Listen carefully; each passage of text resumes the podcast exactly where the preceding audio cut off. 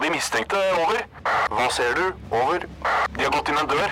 De slår på noe som ser ut som en maskin. Nå går de bort til et høyt bord med noen svarte ting. Kan se ut som et våpen. Over. Ja, vent. Får videre instruks. Over. Nei, vent! Det kommer på en rød lampe. Over. Røverradioen. Norsk fengselsradio. Nå sitter de to kjekkeste gutta i Oslo fengsel her i studio. Jeg heter Espen, og jeg står her sammen med Preben. Hallo. Hallo, Preben. Hvordan har de siste dagene dine vært? Jo da, de har vært uh, helt greie. Litt utfordringer. Å, hva har skjedd? Nei, altså i går da så måtte jeg noe jæv... Jeg måtte veldig, veldig på do. Ja. Um, sånn kvart på sju-sju. Gittersjekken pleier å være kvart over sju. Gittersjekk, hva er det? Ja, de kommer og sjekker om du ikke har skjært ut vinduet eller Ja, ikke sant. Det Er kommer en betjent inn på cella og rister litt i vinduet. Ja. Ja. Så Men de kom ikke. Men dagen før så de, tok de ikke den før halv ni. Nei, For da var de litt seint ute. Ja, så jeg måtte holde meg endte med at jeg holdt meg til klokka ti, da. Ja. Med å gå på do. Tre timer? Tre timer. Og vi har jo doen vår inne på cella.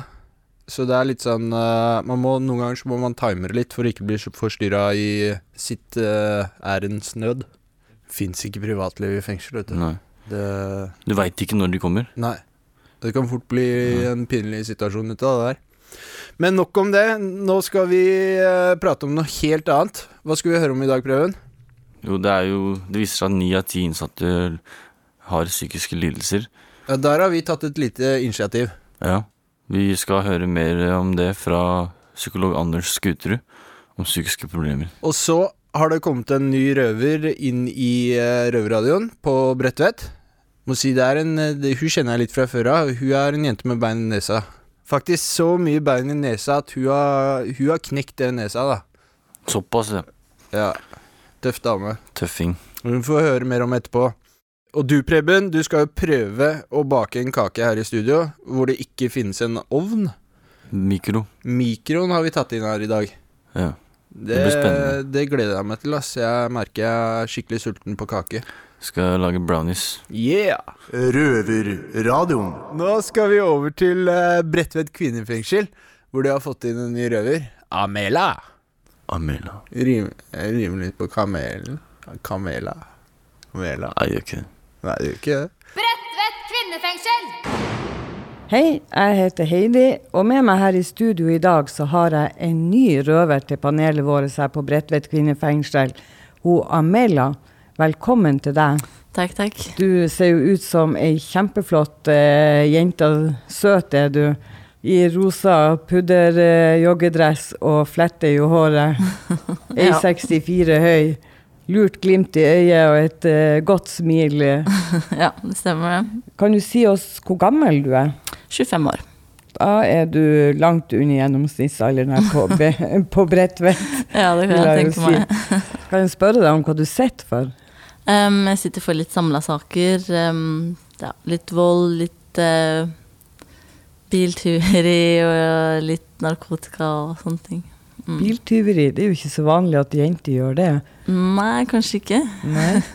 Er det mest for spenninga sin del? Ja, det er nok det. Like fort til spenning. Ja. Men eh, du sa at du også uh, satt uh, for andre ting. Ja. Ja. Eh, var det ikke vold også inne i bildet? Jo, det stemmer. Litt uh, politivold og sånne ting. Mm. Jøss, så du har slåss med politiet, du. Ja, hvis man kan kalle det det. Skulle ikke tro det når man ser på deg. Søt, lita, uskyldig, med museflette her du sitter. Ja, skinnet kan bedre ham. Ikke sant?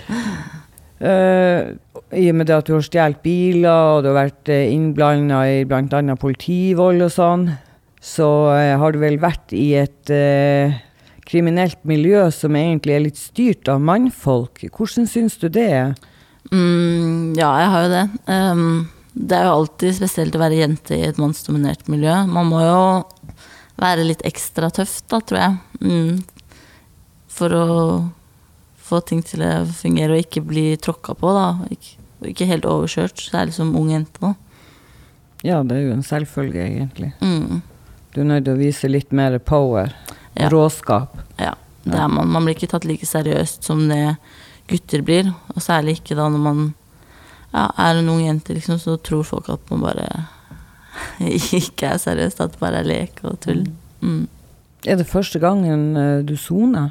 Um, jeg har sittet inne før med bare korte dommer for bøter, så det er første gang sånn ordentlig, da. Men en annen ting, vi snakka jo om det med å ha spisse albuer og tråkke inn i litt mannsdominert verden når vi er ute i det krimmiljøet. Eh, har du slåss mye med guttene? Ja, jeg har jo til tider det, da. Um, som sagt så må man jo det når man er litt stor i kjeften, så må man jo stå for det også. Men du er jo tøff, eh, søt lita jente som driver på å slåss med guttene, vil jeg si. Det er ikke mange som tør det. Jeg regner med du har kanskje fått deg en eller to på trynet òg, da. Å ja, det har jeg, men uh, man lærer mer av å få juling enn å gi juling. Ikke sant? Du sa du lærte eh, mer eh, av det å slåss, men har du vunnet noen slåsskamper? Um, ja, man kan vel si det. Um, og så har jeg jo fått en del juling også. Knekt nesa og knekt skinnbeinet og sånne ting. Oi, så det er ganske brutalt. Ja, det kan bli det til tider. For det om jeg sa det at eh, det var bra at du fikk slått litt tilbake og sånn, når du fikk deg juling og har vært i slåssing, så betyr det jo ikke det at vi sitter her og oppfordrer til vold. Nei, absolutt ikke. Det handler jo bare om å forsvare seg selv. Jeg hørte snakk om at du hadde et eh, hyggelig besøk her i går. Kan du si litt om det? Um, jeg hadde besøk av familien min, moren min og sønnen min og broren min. Mm. Så det var koselig. Så du har en sønn. Ja, det har jeg. Mm. Sønn på tre og et halvt år. Men det må jo være vanskelig for deg å få besøk av sønnen din inn hit. Selv om det er hyggelig, så må det jo være vanskelig, for du kjenner jo på følelsen. Ja, selvfølgelig, det gjør man. Det er alltid kjipt når de drar. Men um, det er jo en del av livet, og sånn er det jo. Så heller tenk på det positivt, og så kan man leve litt ekstra på det, da. Så du tenker at eh, nå skal du slutte med det å bli ansvarsfull mamma igjen?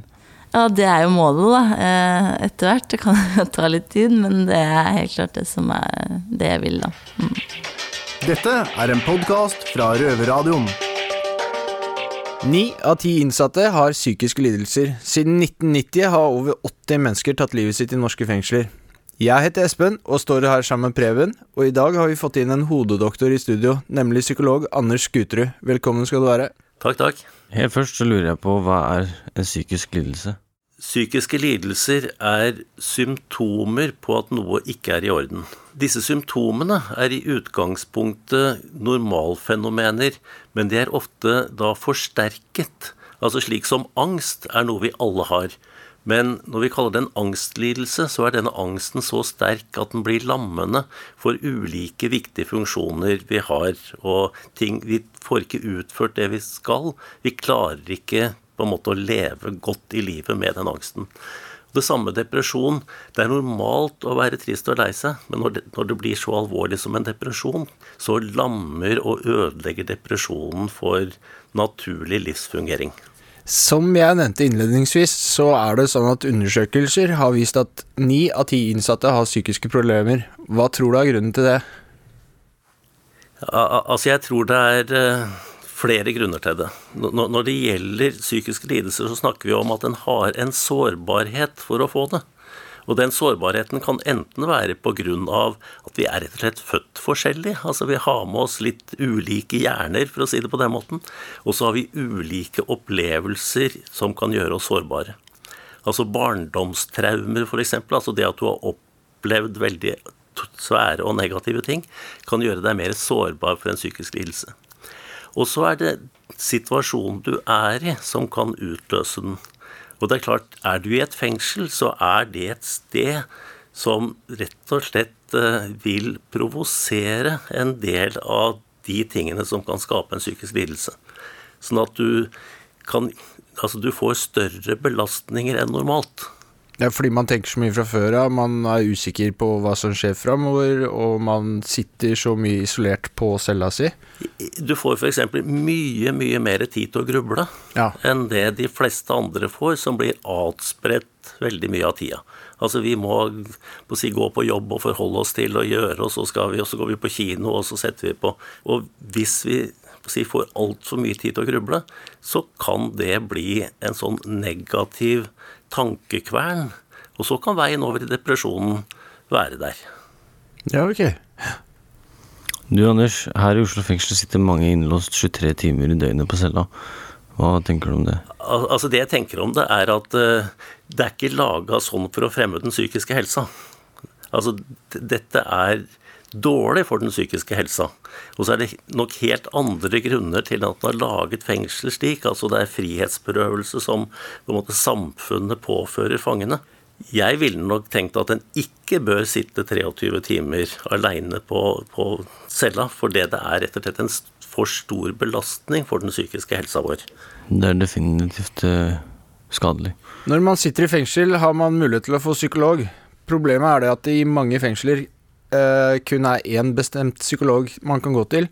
Har du forståelse for at dette er problematisk for de innsatte som uh, ikke kommer overens med psykologen som de har utdelt?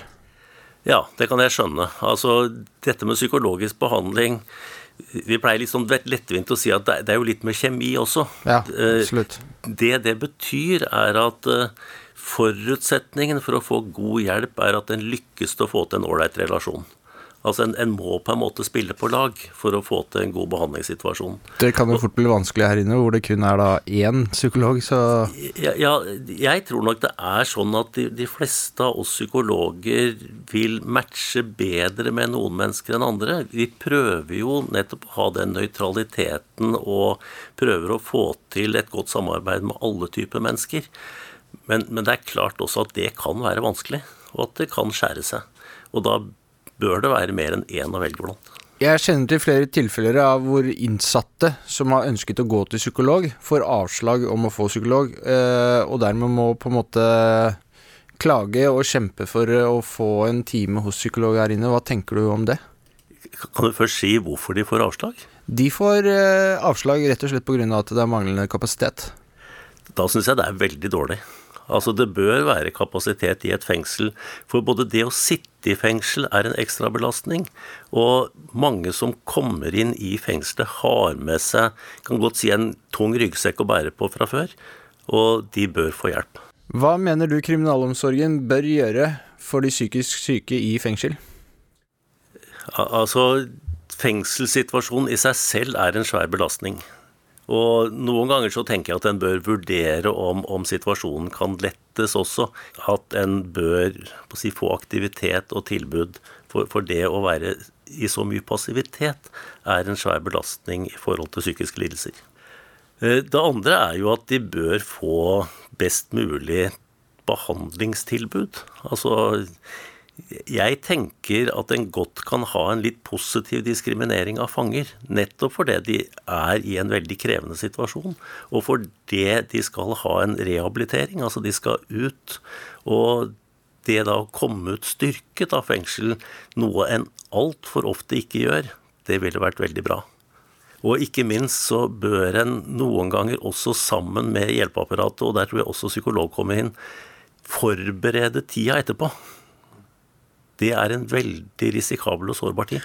Kanskje man sitter på cella og hører på dette og er litt usikker på egen tilstand. Når burde man søke hjelp? Al altså, For at en psykolog skal være nyttig i den situasjonen, så bør, det, bør en kjenne på at det er noe en strever med. Altså om det er tanker, følelser, handlinger Hvis en på en måte begynner å kjenne på og begynner å gruble på sånne ting, så tror jeg det er veldig lurt det, å få både lufta det ut, men også få litt redskap til å håndtere de tankene og følelsene på andre måter enn å utagere. Hva slags tegn kan man se etter om man er redd for at noen man soner med, er suicidal? Hvis du merker at folk begynner å snakke om det, tenke på det, eller begynner å isolere seg veldig, så er det ålreit å spørre, ålreit å ta det fram. Og jeg mener at ingen skal være redd for å ta det fram. Altså, det å få snakket noe om det minsker sannsynligheten for at det skjer. Det er ikke slik at det blir mer fare hvis du tar det opp med en venn. Eh, det er viktig hvis du tar opp at det er i fortrolighet. Altså at en si, får gjennom at 'jeg vil deg vel'. Så man skal ikke være redd for å spørre? Nei. Nei. Først og fremst ikke redd for å spørre. Hvis du har et noenlunde fortrolig forhold til, spør. Hva kan man gjøre selv for å bli bedre i huet? Det går an å jobbe ganske mye med seg sjøl. Eh, rett og slett å prøve å, si, å styre tankene sine litt. Vi, vi klarer ikke direkte å fø, styre følelser så mye, men indirekte kan vi også klare å styre følelser ved at vi kan klare å styre tanker. Altså Vi kan passe på å tenke på litt hyggelige ting, og det kan jo være vanskelig å få til hvis en sitter og virkelig begynner å gruble på negative ting. Men, men hvis en kan klare da å holde fast på at eh, jeg har det å glede meg til, i hvert fall, jeg skal gjøre det, så, så, så kan det være ålreit i forhold til å bekjempe depressive tanker. Prøv å tenke positivt. Ja. Eh, når det er angst, så er jo veldig ofte eksponering det som skal til. Altså tørre å gjøre noe en egentlig ikke tør helt. Eh, Og så klare å finne trygghet når en da lykkes. Og det å utforske sånt i et fengsel er jo ikke alltid så lett, men, men det kan jo være at en tar sjansen på å si fra noe til en betjent, at en tar sjansen på å gå bort og sette seg selv om en er redd for avvisning i, eller at en kjenner at en skammer seg fryktelig for noe, men allikevel tar det opp. Altså Sånne eksponeringer er det også mulig å gjøre i et fengsel. Det får vi jo god trening på her i radioen. Ja, her også. Veldig god trening. Mm. Men helt til slutt, har du noen spørsmål du vil stille oss?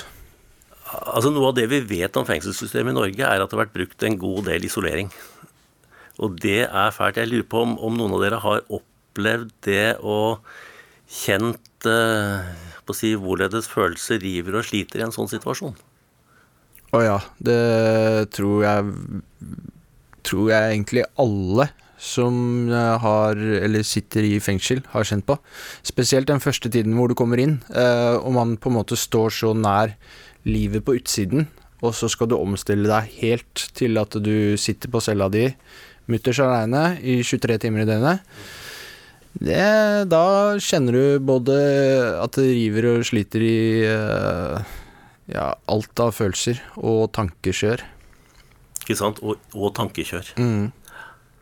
Takk for praten, Anders. Jeg hører på Røverradioen. Det bør du også gjøre. Hvis ikke klikker det for meg.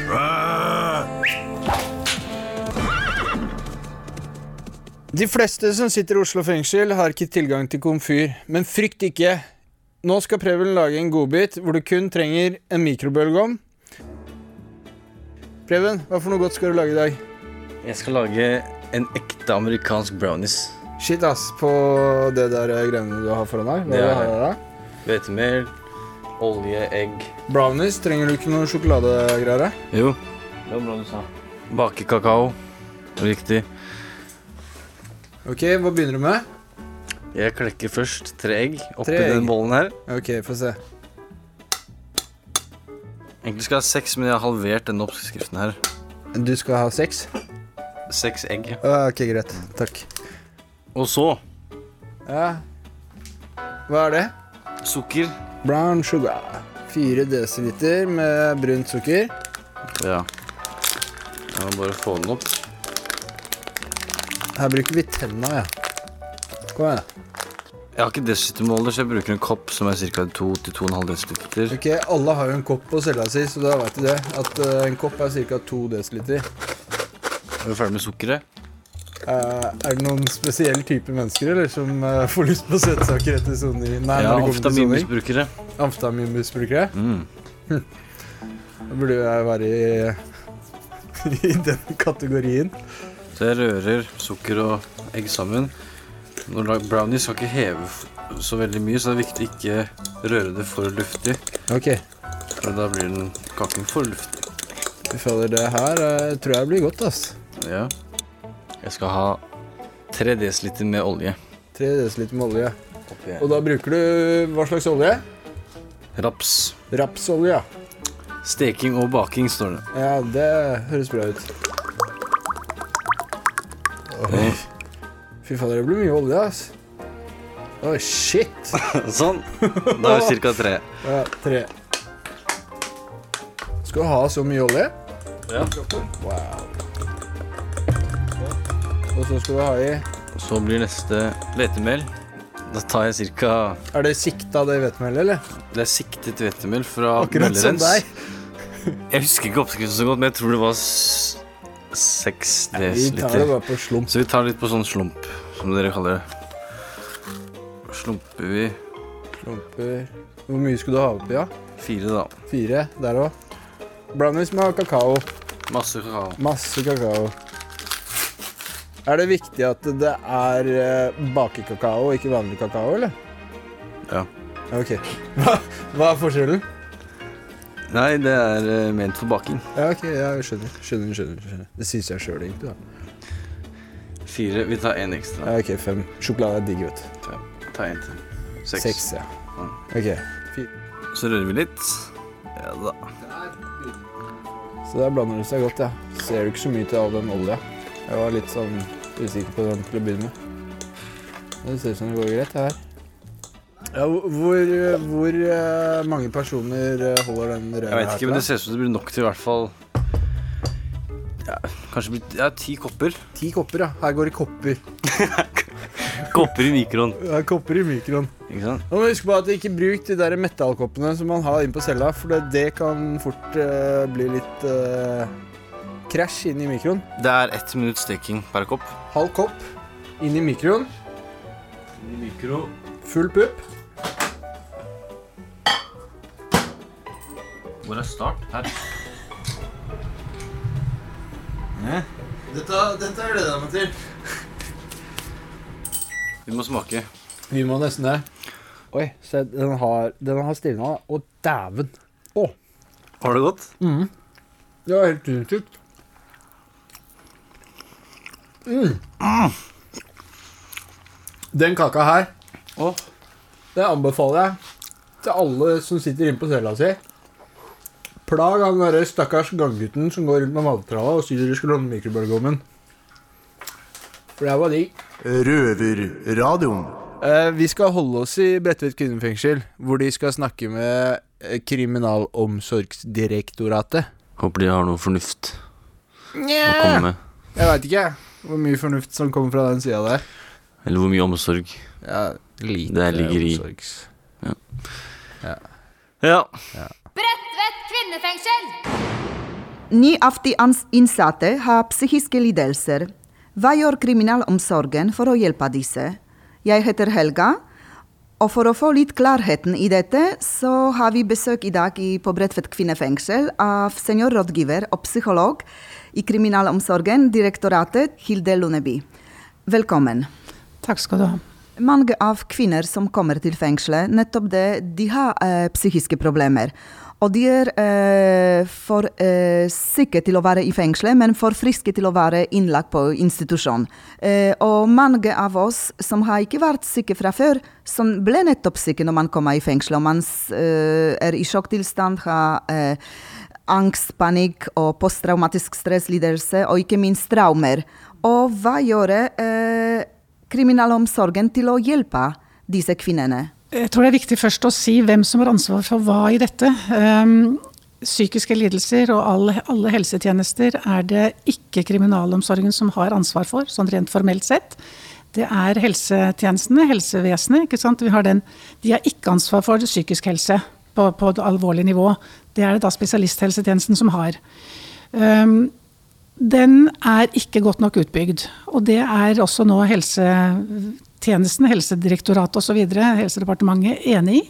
Så det som er veldig lovende, er at de nå jobber med et system hvor det skal være sånn at i hvert område hvor det er fengsel, så skal det pekes ut hvilke psykiatritjeneste som skal ha ansvar for å gi behandling i det fengselet. Sånn er det ikke nå.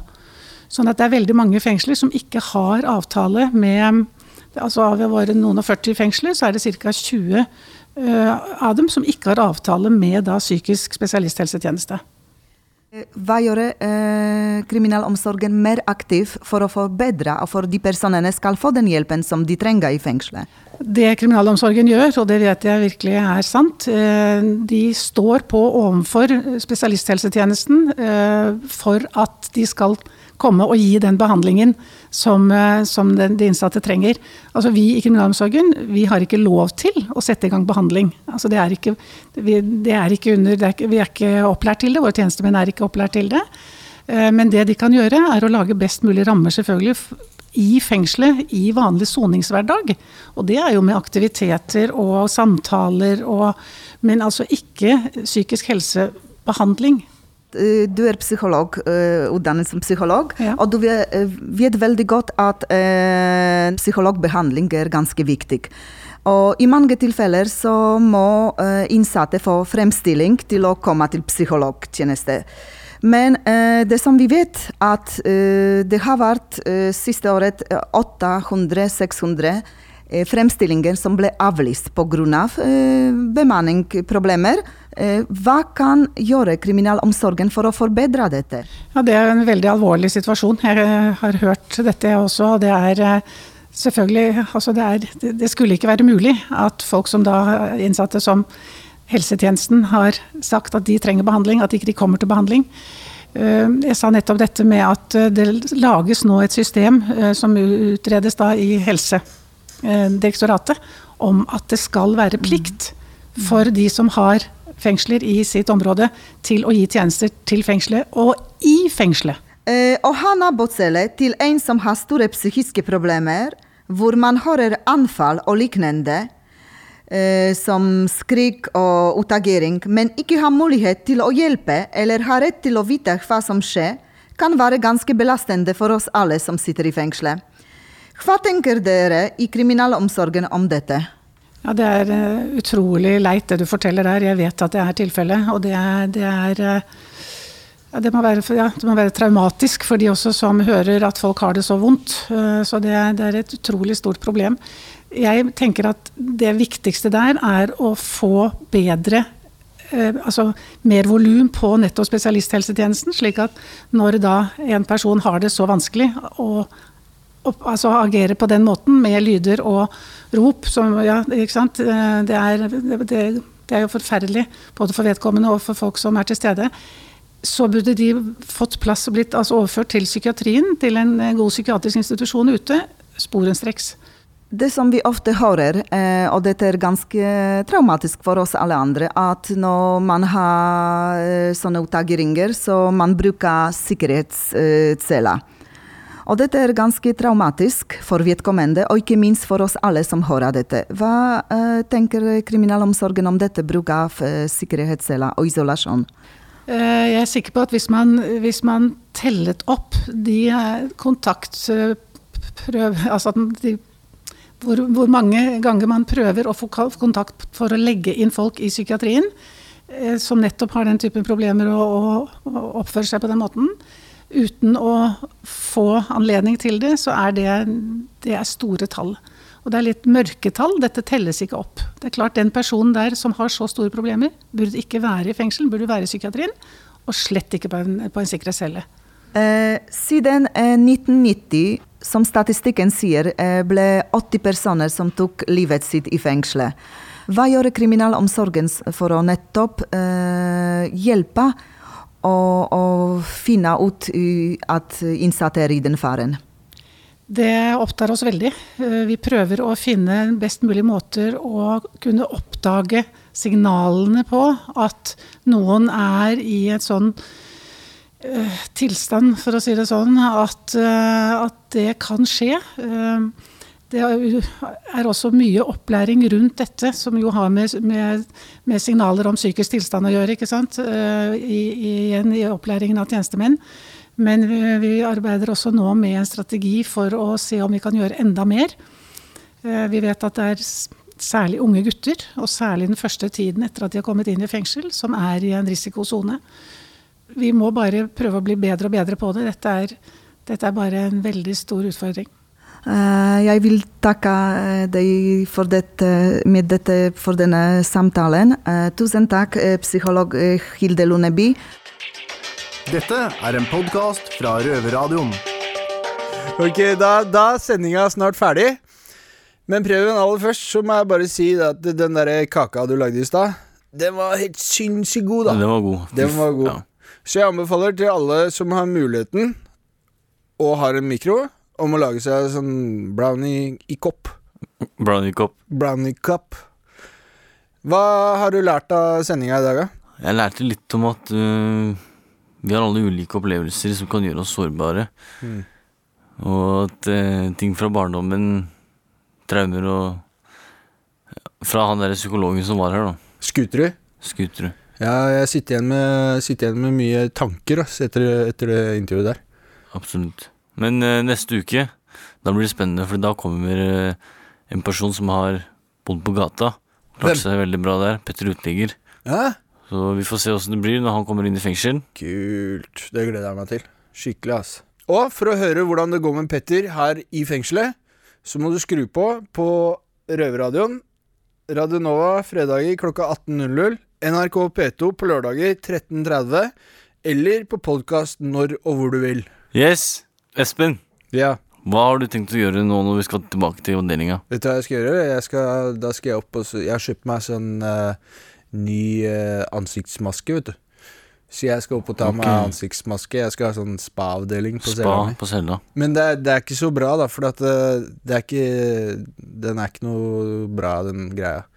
Jeg har kjøpt den på butikken her, vet du. Den De er har ikke noe spa. selv om Nei, det er sånn Garnier eh, three in one face wash. Det riktig. Ja. Lurer du på hva jeg skal, eller? Ja, hva skal du ha? Jeg skal ringe Nav. Ring Nav, da. Jeg skal ha penger, for jeg skal ut snart. Å, fy faen. Men det er godt å se at noen slipper ut òg, da. Det gir håp for alle oss andre. Alle skal ut en dag. Ha det! bra. Ha det bra. Ja, ja. Det har vært stille fra over en time. Hva skjer? Over. Det er bare et radioprogram. Det er lettere å høre på dem der. Over. Ja, vet du når det går, da? Over. Det er samme tid og samme sted neste uke. Over. Ingen vet hvordan det er å lage radio i fengsel. Bak murene. Send oss penger på Vips på 14403. Ja, det var 14403. Da er du jævla tøff.